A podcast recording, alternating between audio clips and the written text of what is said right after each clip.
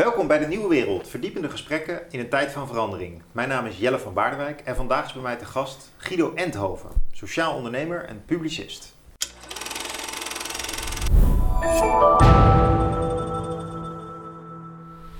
Goeiedag. Leuk Guido dat je er bent. Ja, aangenaam. Jij hebt een interessant, een waanzinnig interessante carrière, want jij je hebt een boek geschreven, een proefschrift. Ja. Over een technisch thema gaan we het zo hebben. Het gaat over de communicatierelatie in de politiek, mhm. over de WOP. Ja. Eh, maar je bent ook ondernemer geworden, Ja. maar wel ondernemer met ideeën. Zeg ik dat goed? Ja, klopt wel. Ik heb, eh, zeg maar, aan het eind van mijn, aan- van mijn studie heb ik samen met vrienden de Nationale Ideelijn opgericht. We hadden het idee van er leven heel veel ideeën in Nederland. En daar kan wat mee. Mensen hebben onvoldoende tijd, onvoldoende kennis, eh, we weten niet hoe, waar ze moeten zijn, eh, hebben soms onvoldoende geld. En mensen konden in die tijd, we praten over bijna 30 jaar geleden, konden naar ons bellen en schrijven. was nog een pre-internet tijdperk met ideeën. En de beste ideeën werden dan doorgeleid richting overheden, richting maatschappelijke organisaties, richting bedrijven. Op een gegeven moment zelfs een tv-serie bij de NCRV, waarbij de kijker werd opgeroepen door ministers om met ideeën te komen over duurzaamheid, noem maar op. Nou, dat was een mooie tijd en eh, die ideeënlijn die is langzaam overgegaan in Instituut Maatschappelijke Innovatie. En dat is het bureau waar ik al 25 jaar werk en eh, wat ik heb opgericht. En waar ik inderdaad allerlei projecten doe op het gebied van maatschappelijke innovatie. Ja, ja, ja, ja, ja, spannend, spannend. En eh, als je een klein voorbeeldje moet noemen, waar, waar, illustratief wat jullie dan doen nu? Even kijken, wat, eh, over open overheid komen we zoveel te spreken. Ik doe veel projecten op het gebied van open overheid, actieve openbaarheid, openbaar design. Eh, dus eh, daar, Ja, daar moeten overheden wat mee. Maar je zit ook in hele andere werelden, bijvoorbeeld nieuw bos en tiny houses. Dus er moet in Nederland meer bos komen. En een manier om dat te realiseren is om in Nederland nou, op grotere schaal boeren uit te kopen. En op een groot deel van dat land een nieuw bos aan te leggen. En dat te financieren met het eh, toe- toestaan van eh, tiny houses. En dat, eh, dat businessmodel is rond te rekenen. Dus dat, eh, dat zijn leuke projecten. Interessant, interessant. Nou, daar komen we dan later nog wel weer over te spreken. Eh, Mhm. eerst nu het grote thema al van jouw proefschrift eigenlijk. En ook denk ik nu door de Rutte-doctrine opnieuw heel actueel. Ja. Transparantie bij de overheid. Ja. eh, inspraak Mhm. eh, van de verschillende organen van de overheid. Ja. Eh, de Tweede Kamer die, in, die tegenspraak kan bieden. En daardoor toch een soort inspraak heeft in Mhm. eh, het regeerakkoord. Mhm. Maar ook eh, inspraak en de tegenspraak van eh, beleidsmakers en de overheid ten opzichte van de Tweede Kamer en de, regering. Wat, Mhm. ehm, hoe heb jij gekeken naar die hele discussie over de Rutte-doctrine zoals die nu bijna een jaar bestaat? Ja, het is, wat dat betreft is het echt een spannende tijd. En is het voor het eerst sinds jaren, want ik ben er al een hele tijd mee bezig, dat ik het idee heb van he- het zou wel eens zo kunnen zijn dat er nu zich dingen openen. Er worden in ieder geval voorzichtige stapjes gezet. In 2011 heb ik inderdaad een proefschrift geschreven, hoe vertellen we het de Kamer? Dat ging over de informatierelatie tussen regering en parlement. Ik heb toen een stuk of 80 Kamerleden geïnterviewd, aantal bewindspersonen, aantal topambtenaren. Eh, ik heb gekeken naar 25 jaar parlementaire enquête. En als je dan goed kijkt, dan zie je dat over het algemeen wordt de Kamer wel fatsoenlijk geïnformeerd. Maar als het erop aankomt, als het politiek spannend wordt, dan is informatie is kennis en kennis is macht. En informatie is gewoon een middel wat gebruikt wordt in de strijd. En, en dan zie je dat er, dat er patronen zijn van informatiegebreken. Of informatie wordt selectief verstrekt, of, eh, of, of eh, zeg maar misleidend, of soms overdadig, heel soms onjuist. Dus eh, nou, nou, informatie is een middel wat, wat, wat gebruikt wordt om je, om je zin te krijgen. En zo, of het nou zeg maar, li- politieke partijen ter linkerzijde of rechterzijde, maakt niet uit. Op het moment dat ze in het kabinet zitten, dan wordt er met informatie gespeeld. Dus dat is, nou ja, dat is de achtergrond van waaruit ik kijk. Ja. Nou kijk ik dan nu naar het laatste, laatste ja- jaar, dan zie je ineens dat thema transparantie eh, belangrijk worden. De wet open overheid die is in januari aangenomen door de Tweede Kamer. Heeft acht, negen jaar geduurd voordat die eindelijk werd aangenomen. Ehm, de, de, de, het kabinet heeft toegezegd voortaan eh, de achterliggende beslisnota's openbaar te maken. Nou, de nieuwe bestuurscultuur waar ook nu aan de formatietafel wordt gesproken. De, eh, en per 1 juli, per, nou ja, een, paar, een paar weken geleden, is men inderdaad gestart met die achterliggende nota's om die openbaar te maken. Dus ik denk wel dat er stapjes Ja, ja. zijn gezet. En tegelijkertijd is het allemaal nog, eh, nou ja, is het ook wel even nog afwachten en zien wat er van komt. Ja, ja. Hoe, hoe begrijp je eigenlijk de Rutte-doctrine? Dat is een term die voor het eerst het geval is in dat rapport uh, geschreven over de toeslagenaffaire. Hij valt maar één keer in het rapport. Ja, ja, later is hij groot gemaakt door Omtzigt, maar het staat wel symbool voor iets. Hè? Nou weet ik dat jij ook een opiniestuk over geschreven hebt, dus wel benieuwd. wat, wat is nou jouw betekenis van het woord? Ja, het is de, de, de Rutte-doctrine zegt eigenlijk dat het goed is, dat het verstandig is dat ambtenaren onderling en dat ambtenaren en politici onderling uh, vertrouwelijk met elkaar van gedachten kunnen wisselen en uh, allerlei ideetjes en, uh, en overwegingen zouden kunnen, zouden kunnen moeten delen zonder dat, dat die openbaar worden gemaakt. En dat is, dat is heel lang de leidende zeg maar, doctrine geweest. En het wordt de Rutte-doctrine genoemd door omzicht onder andere.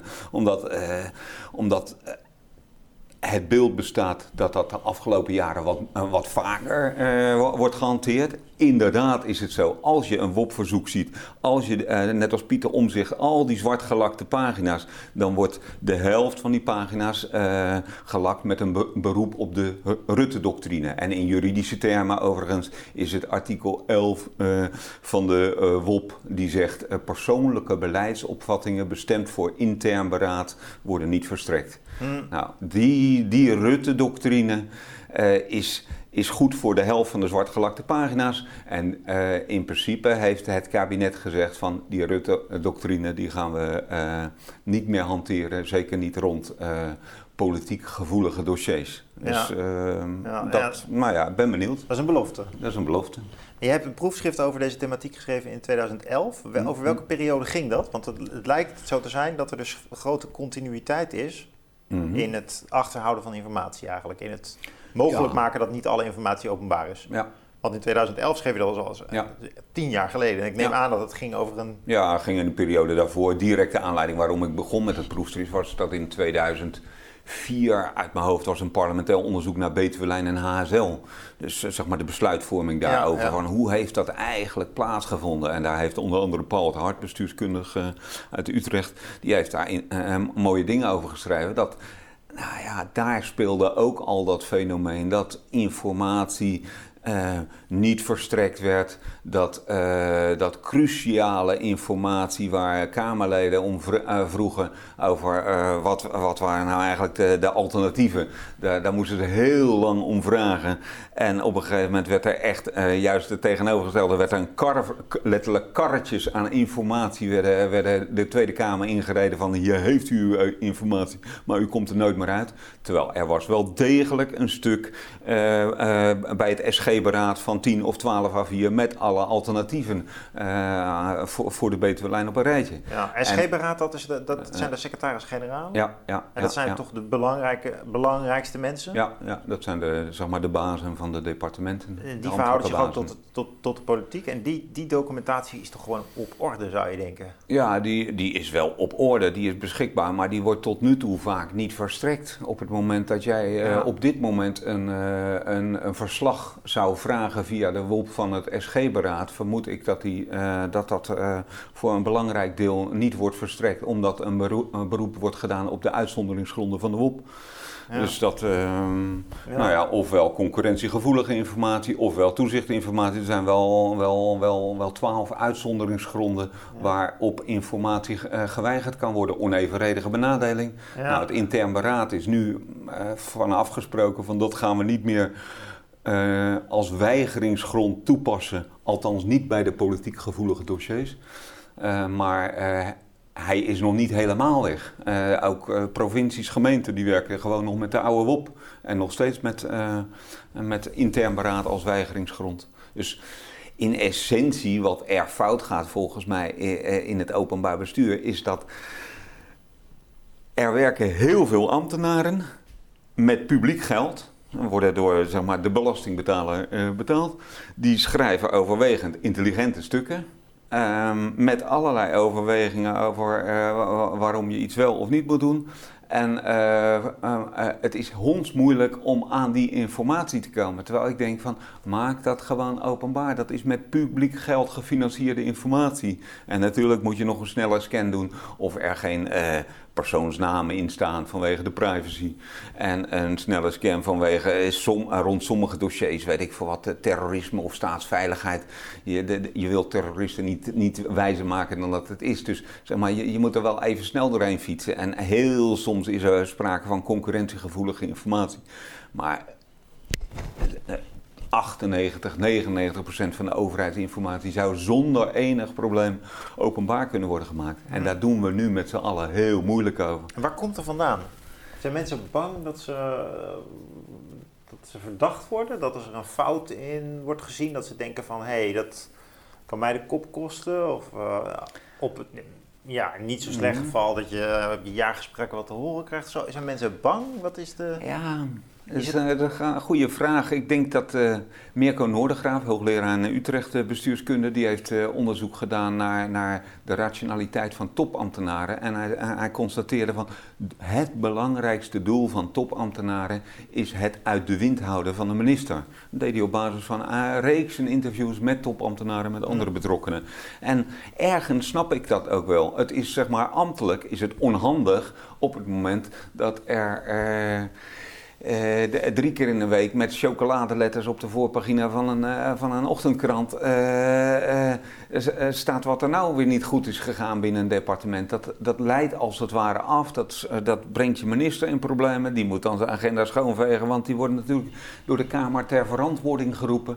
Dus um, dat maakt het voor topambtenaren, of voor ambtenaren in algemene zin, logisch om alleen maar goed nieuws te presenteren, heel lang intern na te denken en alleen de uitkomst naar buiten te brengen. Ehm, dat is volgens mij het mechanisme wat zit. maar ik denk dat dat niet meer past in deze tijd. Dat het niet meer goed is vol te houden in deze tijd. In deze tijd verwachten en journalisten en burgers en maatschappelijke organisaties, die verwachten gewoon openheid, transparantie. Hoe is een besluit tot stand gekomen? Kunnen wij het reconstrueren? Wat voor overwegingen zijn allemaal de revue gepasseerd? Welke alternatieven zijn er overwogen? En waarom heeft de minister voor dit gekozen? Nou, dat is de. Eh, ik denk, uh, dat is de nieuwe tijd. Wen er maar aan ambtenaren, wen er maar aan uh, politici. Want uh, zo zal je moeten opereren in deze tijd. Ja, en daarmee staat de afwikkeling van de toeslagenaffaire door die commissie van Dam, meen ik, ook misschien wel symbool voor de nieuwe politiek. Dus op een goed moment kan iets een dossier worden en dan mhm. komt er een commissie op te zitten die gaat het gewoon helemaal uitvlooien en mm uitschrijven wat de overwegingen waren, wat de fouten waren. Mhm. Eigenlijk een soort van gewetenscheck die meer normaal zou worden dus. Ja, dat denk ik wel. Op je zich hoopt het eigenlijk niet. Als mensen gewoon verstandige eerder dingen openbaar maken, kun je bestuurlijke processen nog een beetje bijbuigen. Ja, ja absoluut. rond, die, uh, rond die toeslagenaffaire is natuurlijk een, een mooi, nee, een wrang voorbeeld eigenlijk van het feit dat er zo lang is geweigerd om informatie te verstrekken, gewoon open te zijn over wat er allemaal speelt. Dat, de, dat het zeg maar twee jaar lang moest het door Trouw, door RTL, moest het uh, telkens opnieuw geagendeerd worden door de omzicht en Renske Leijten. En, en dat leidde uiteindelijk tot, tot nou ja, dat parlementaire onderzoek en uiteindelijk tot het rapport. En hopelijk is dat een breekijzer voor toekomstige kwesties. Maar dat blijft, blijft ook een verrassing op zich was. de toeslagenaffaire wel een voorbeeld van ook de Tweede Kamer op zijn best. Een, eh, een onderzoekscommissie die in een relatief korte tijd toch uh, zeg maar de vingers op een aantal zere plekken wist te leggen. En een zodanig uh, overtuigend rapport wist te schetsen dat het kabinet nou ja, eigenlijk niet anders kon dan aftreden.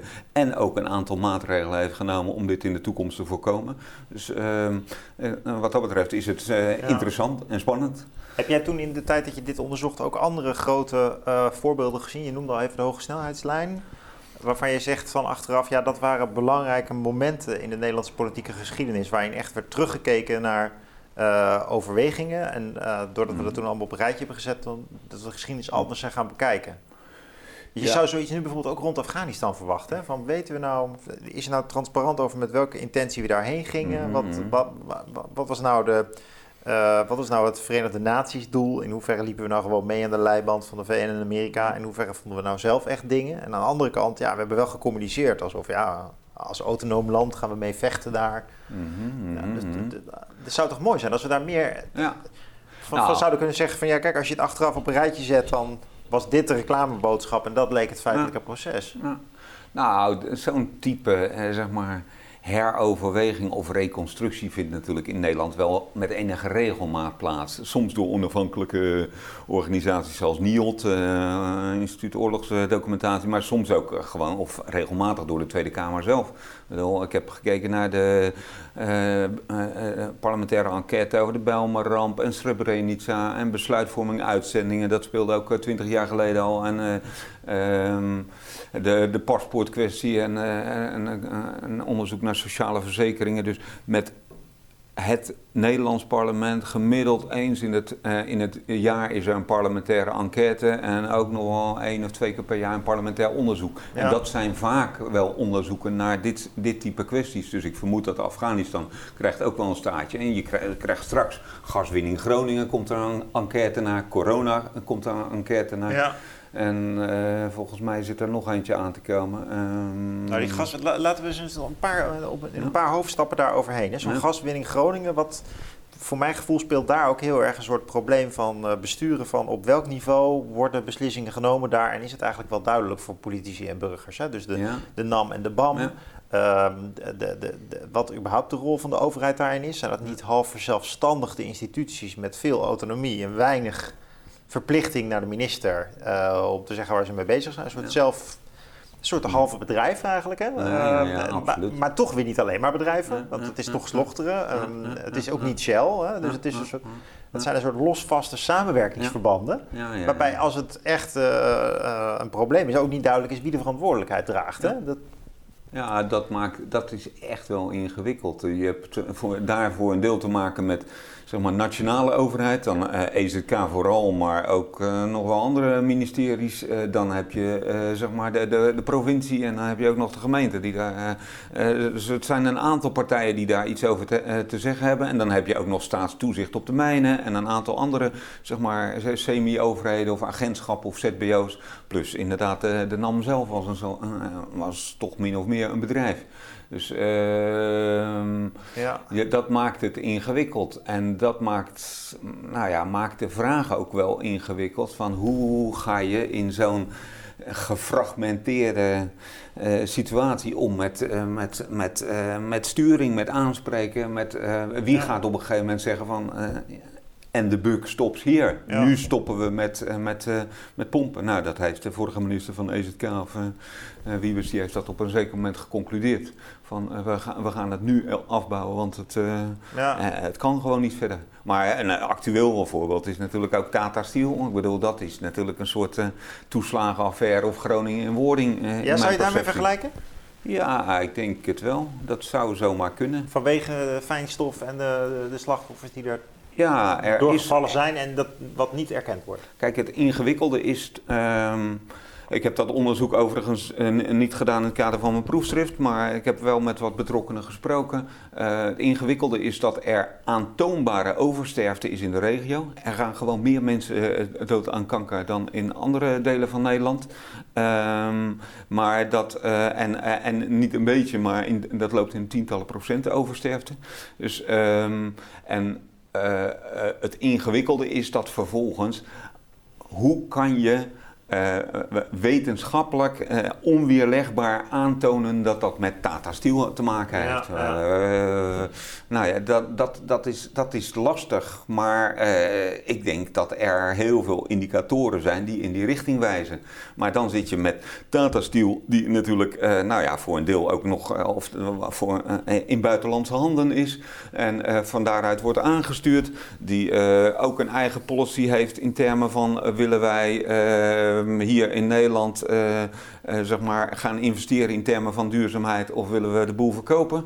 Uh, dus kortom, er spelen agenda's van het bedrijf, er spelen agenda's van de provincie van, waarbij ook werkgelegenheid belangrijk is en waarbij er afspraken zijn gemaakt in de vergunning over dit type uitstoot achten wij wel ehm, acceptabel.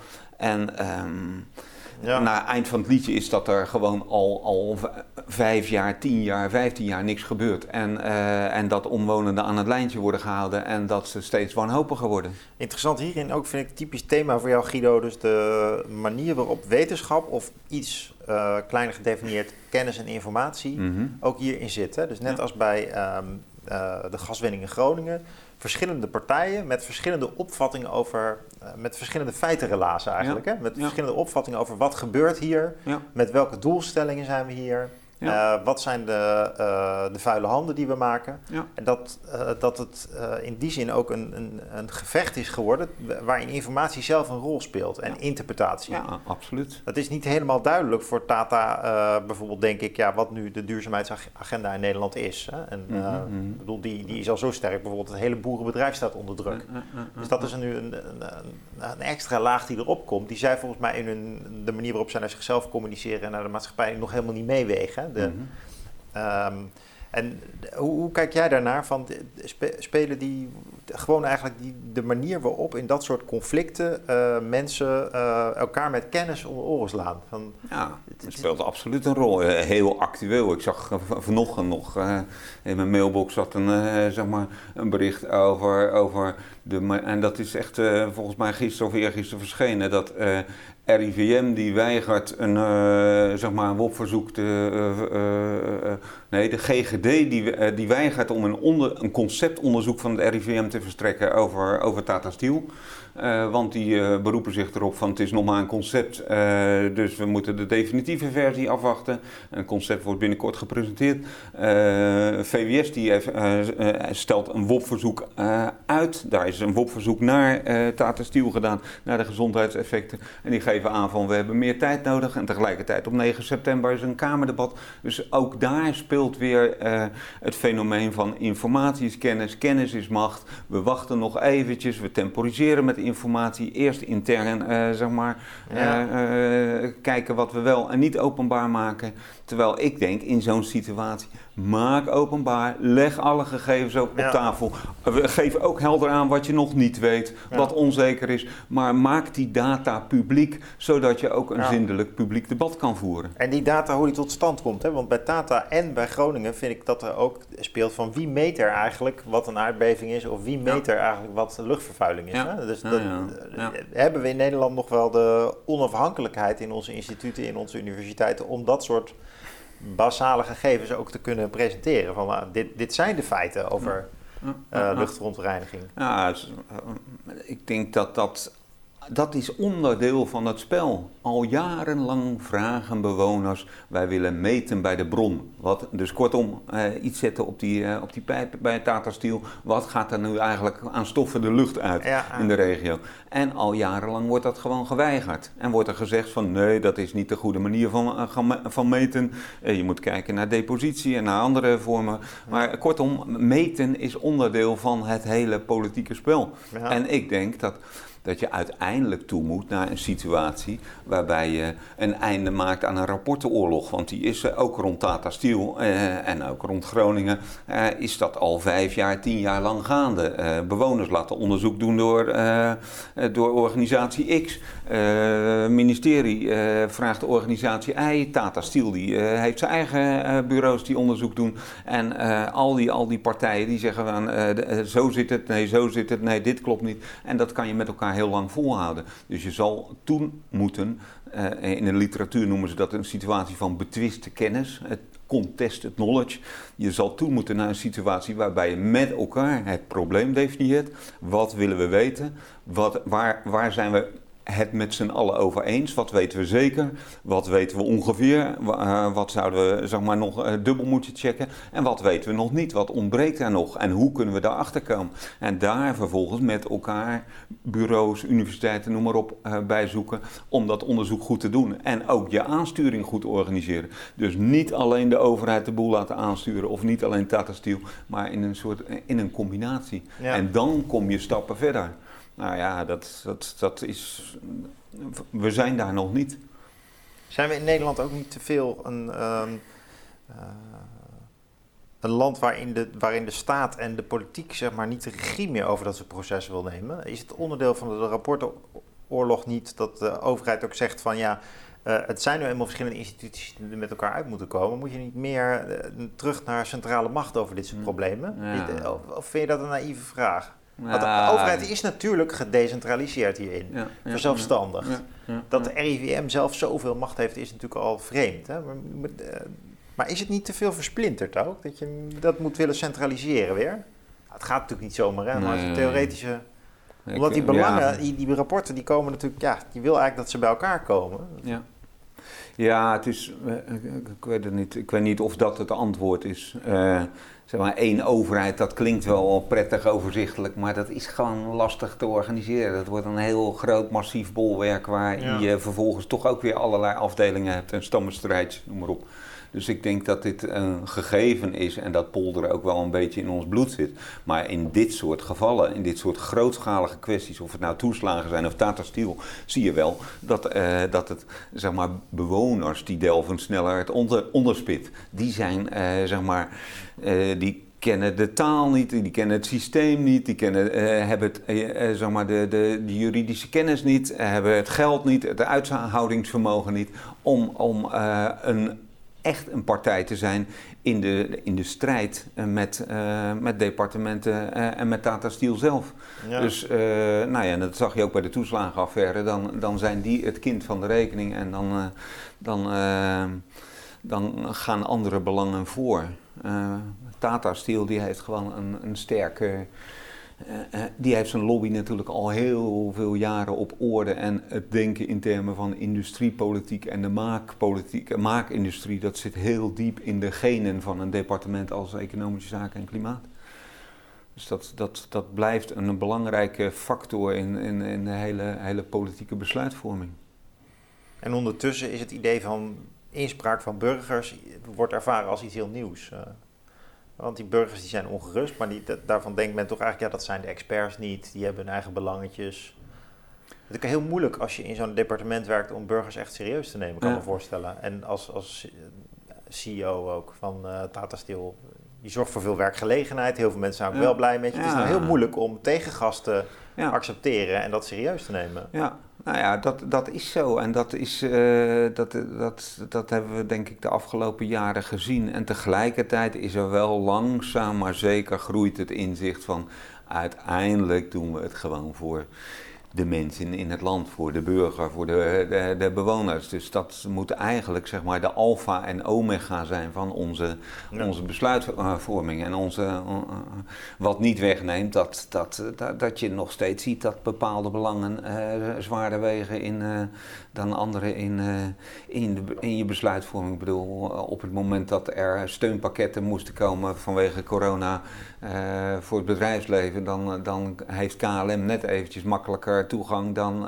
zeg maar de, de, de, de cultuursector. En dan zijn ook de bedragen die richting KLM eh, gaan een factor 10 hoger dan, dan naar de cultuursector. Dat heeft gewoon te maken met, ja, ja. met de, hoe, hoe is de, de geschiedenis van een, van een organisatie en hoe dat in de cultuur en genen van een overheid is, is verankerd. Ja, in netwerken concreet belobbyd ook. Ja, ja zeker. Ja. Ja. ja, pijnlijk eigenlijk ook als je dit voorbeeld zo noemt. Um, jij probeert ook in jouw werk als sociaal ondernemer dit op een, uh, ik bedoel, het zijn natuurlijk twee verschillende domeinen, reflectie op die manier waarop beleid in Nederland tot stand komt en hoe je daar dan concreet als sociaal ondernemer wat mee kan. Maar ze raken wel aan elkaar, hè? want je probeert met projecten zoals die tiny houses in mm. uh, voormalig boerderijgronden mm.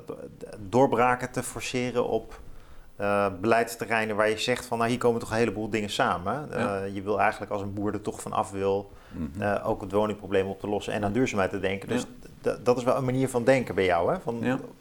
Kun je dat eens toelichten hoe dat dan in dit geval bijvoorbeeld bij die tiny houses, hoe je dat dan, is dat veel lobbywerk? Is dat eigenlijk makkelijk inschrijven en ehm, meegaan in een trend? Nee, het, is, het, is, de, het komt voort uit het denken over dat er zeg maar over nieuw bos. Eh, in het kader van het uh, Parijs-akkoord en later is er een Nederlandse variant uh, opgekomen, is er afgesproken dat er in Nederland zo'n 40.000 hectare nieuw bos moet komen. Uh, want dat is goed voor CO2-opvang, noem maar op. En dan is de vraag van, ligt die bal dan alleen bij overheden, in dit geval bij ministeries, om, gewoon op grote schaal terreinen aan te leggen? Of kan je ook particulieren verleiden, in dit geval boeren of landeigenaren, om te investeren in nieuw bos?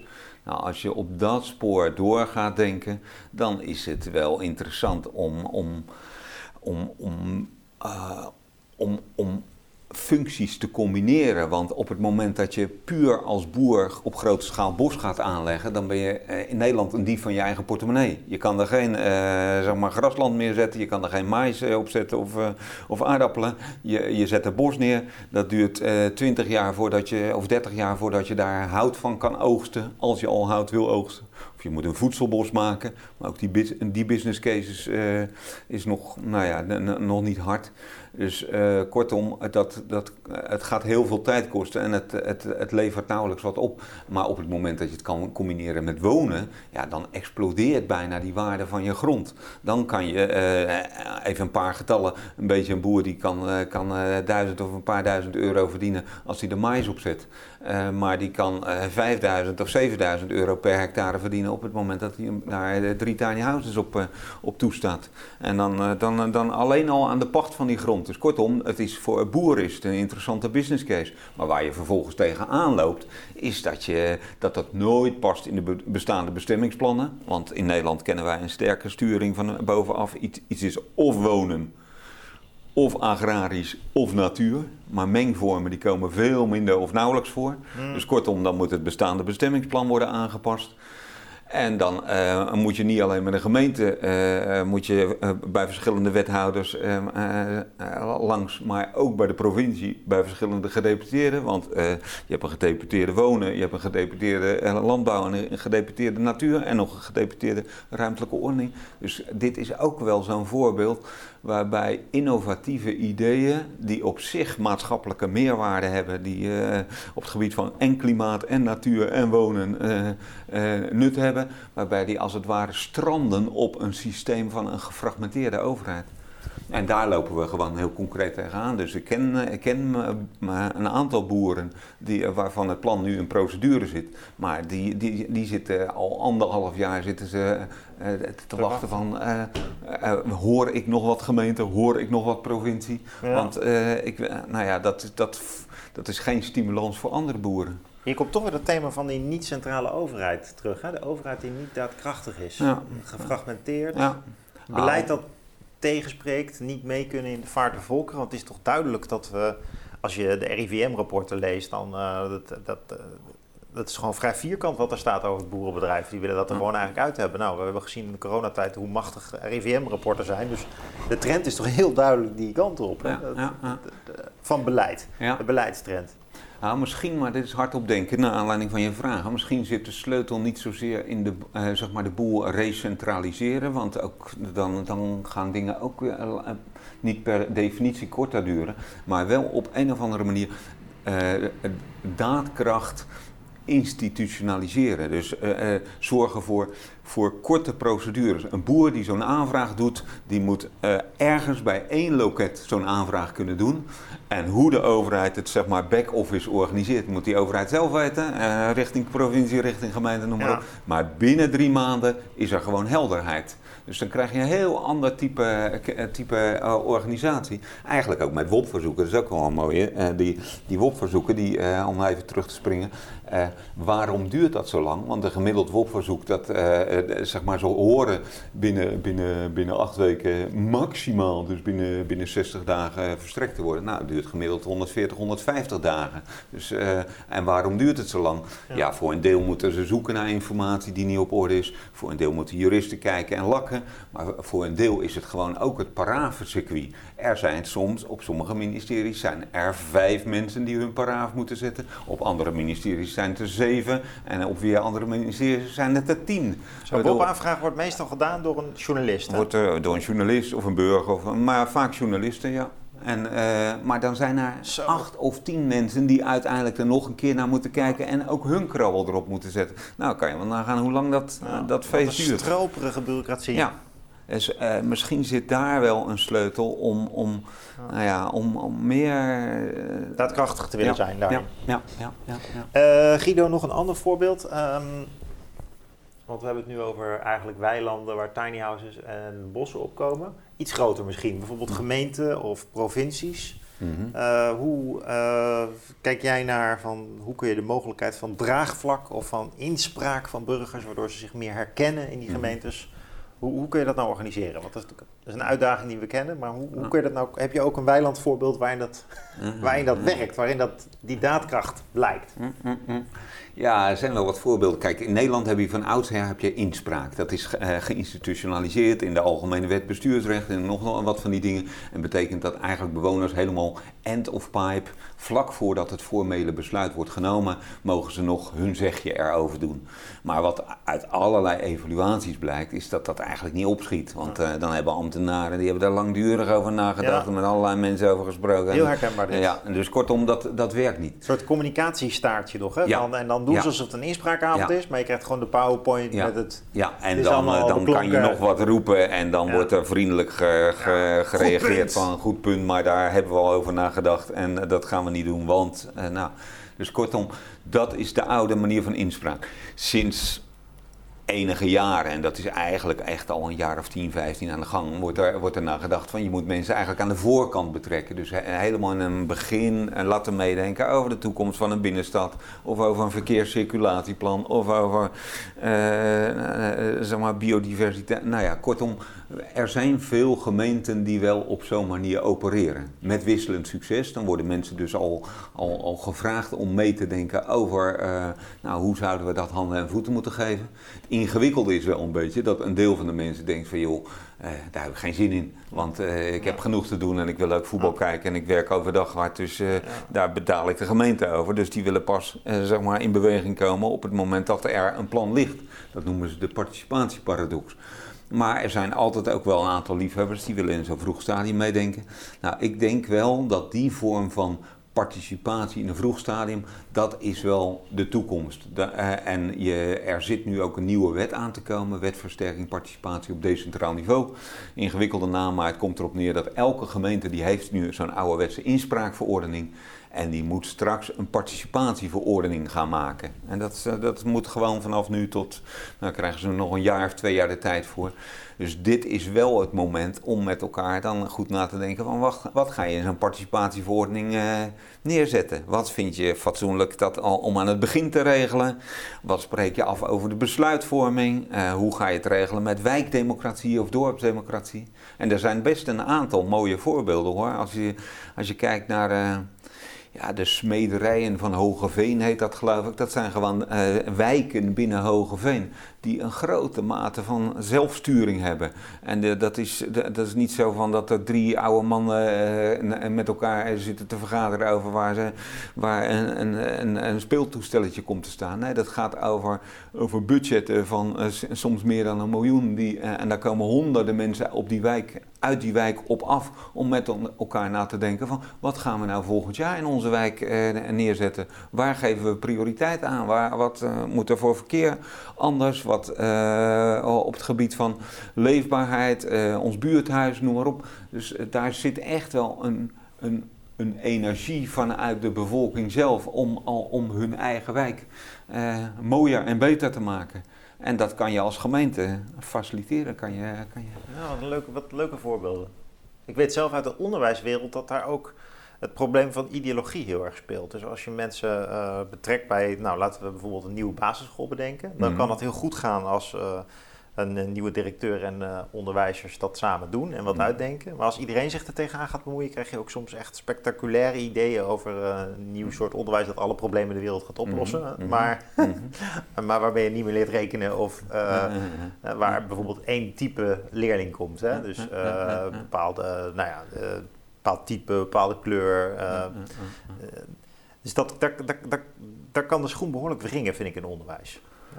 Want mm-hmm. in participatie denken mensen dan vaak van, nou, leuk dat ik mee mag praten. Nou, wat ik het belangrijkste vind op onderwijs, is dat de kinderen het leuk hebben. En dan, nou, dan gaat iemand dat heel serieus uh, nemen. Terwijl ja, in onderwijsbeleid is dat, zou dat niet echt een factor moeten zijn. maar als iemand roept dat bij, de, bij de vereniging, bij de, bijvoorbeeld bij de inspraakavond. En andere ouders denken ook, ja, dat vinden we wel allerbelangrijk. Het moet wel leuk zijn, school. Ja, ja, ja, ja, dus je moet dat soort dingen er wel uitfilteren. Als je inspraak wil, dan moet je wel goed bedenken van hoe organiseer je het op een manier dat je wel professionele besluitvoering houdt. En niet een soort doelverdwazing van dat je allemaal andere dingen aan het doen bent als gemeente, waar je ook helemaal niet Nee, helemaal mee eens. Tot Dus het moet, eh, moet niet zo zijn dat elke oprisping, elk wild idee, elke, elke, elke, elke, elke, Maar dat klinkt nu heel willekeurig zo, Ja. zoals jij het zegt. Wel, in het onderwijs zie je eigenlijk een, een jarenlange eh, idealisering van wat het onderwijs zou moeten zijn. Hm? Eh, Ja, ja, en dat ja, komt ja. volgens mij dus vooral door participanten die wel heel veel inspraak hebben gehad. Ja, dat, nou, goed, het zou dus- kunnen, maar wat ik over het algemeen zie in dit type processen, als ze een beetje fatsoenlijk lopen,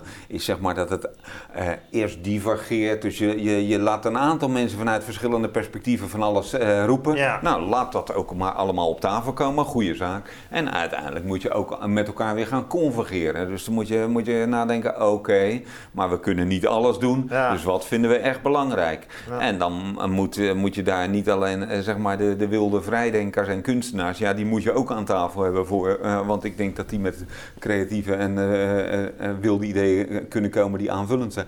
Maar je moet ook juist mensen uit de sector zelf, die, die, die ook kunnen zeggen van ja, maar dit gaat gewoon niet werken, met alle respect. En eh, eh, eh, nou ja, dan kom je uiteindelijk tot een oplossing, of misschien sommige experimenten, maar je komt tot een oplossing die breed gedragen is als het goed is. En daar zijn wel allerlei voorbeelden van. Dus je moet je proces goed organiseren en in het geval van participatie bewoners een rol geven, maar ook de professionals. Dus de mensen die daar echt voor gestudeerd hebben en verstand van hebben. Ja. En uiteindelijk ook de gemeenteraad, die eh, als eh, representatieve democratie gekozen is. En die daar ook eh, zijn of haar zegje over mag doen. Ja, ja, ja. Dus, Dus dan hebben we wat voorbeelden rond de gemeente gehad. Ehm, en het, het weiland met de tiny houses. heb je nog een mooi typisch voorbeeld om dat nog concreter te maken? Hoe je die inspraak, inspraak nou kan versterken in Nederland en dat het ook werkt?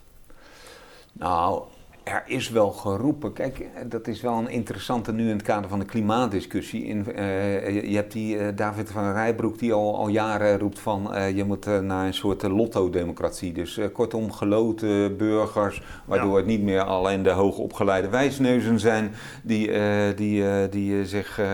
in de politiek ergens tegenaan bemoeien. Maar juist ook eh, de, de huisvrouw, de timmerman, de bakker, de, nou, nou, noem maar op. eh, eh, laat die, laat die zorg voor een groep die voldoende divers is. Zeg een stuk of 150 mensen. Eh, eh, eh, trek die echt random uit het, uit het bevolkingsregister. Bel ze op. Zeg ook van beste meneer, mevrouw, we hebben een aanbod voor u. En we snappen dat u druk heeft, maar het goede nieuws is dat we u ook van mij met 100 eh, euro per dagdeel betalen. Dus u hoeft het ook niet voor niks te doen. En we gaan u dan een aantal weekenden inpraten in het klimaatprobleem, bijpraten. Verschillende experts met verschillende visies, noem maar op. En uiteindelijk komt u met een advies wat wij eh, als een zwaarwegend uitgangspunt zullen hanteren bij de besluitvorming. Zo hebben ze het in Frankrijk. Macron heeft het gedaan met eh, maar rond die gele hesjes. Die, daar, eh, daar zijn, eh, zijn iets van, eh, van 60 aanbevelingen uitgekomen waarvan hij de 55 heeft overgenomen of zo. Eh, dus ehm, eh, ik denk dat rondom klimaat het interessant zou zijn om te experimenteren met een burgerberaad. Eh, om, om, nou ja, om, om, om, om eigenlijk ook omdat de legitimiteit van de partijpolitiek steeds meer ter discussie staat. En zo'n burgerberaad kan voor een ander soort legitimiteit zorgen. Ja. Die kan ervoor zorgen dat, eh, dat mensen zich herkennen in, eh, in de uitkomsten van het burgerberaad. Het zijn niet alleen de gekozen politici eh, die, eh, die zeg maar, een langdurige carrière in de politiek hebben gehad. Maar ook de gewone mensen die met elkaar tot eh, dit eensluitende advies zijn gekomen. Dat zou best interessant kunnen zijn. Ja. Een burgerberaad voor Nederland. Ja, en, En dan, over klimaat. Ja, over klimaatmaatregelen, duurzaamheid. En dit hangt boven de markt hoor. Ik bedoel, ja, dit dat kun je in de provincie organiseren, in de gemeente ook. Ja. Nou, ik zou het op nationaal niveau in dit geval. Je, je kan het ook in, inderdaad in provincie en gemeenteland doen. Maar in dit geval zou ik het inderdaad groot optuigen. Ehm, Het fraaie ervan vind ik dat we natuurlijk in een wereld leven met heel veel overheid, experts, marktwerking. En Mhm. dit is dan een nieuwe variant eigenlijk van de democratie. ja.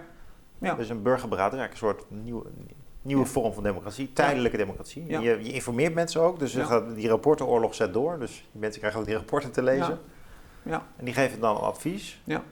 een nieuw soort instituut.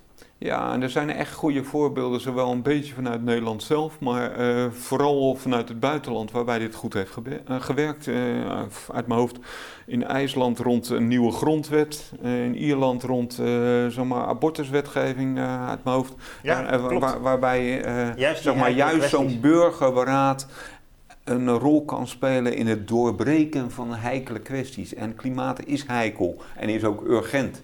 Dus uh, ja. dat is wel een mooie, mooie, mooie thema wat zich daarvoor leent om zo'n type besluitvorming rondomheen te organiseren. Maar dan moet je ook als kabinet, als nieuw kabinet en als Kamer aan de voorkant zeggen van nou, wij nemen nou, Macron die zei geloof ik uit mijn hoofd, uh, uh, we, ik neem alles over, behalve ik hou me het recht voor om drie of vijf jokers, van, waarvan ik zeg, nou dat, dat moeten we echt niet willen.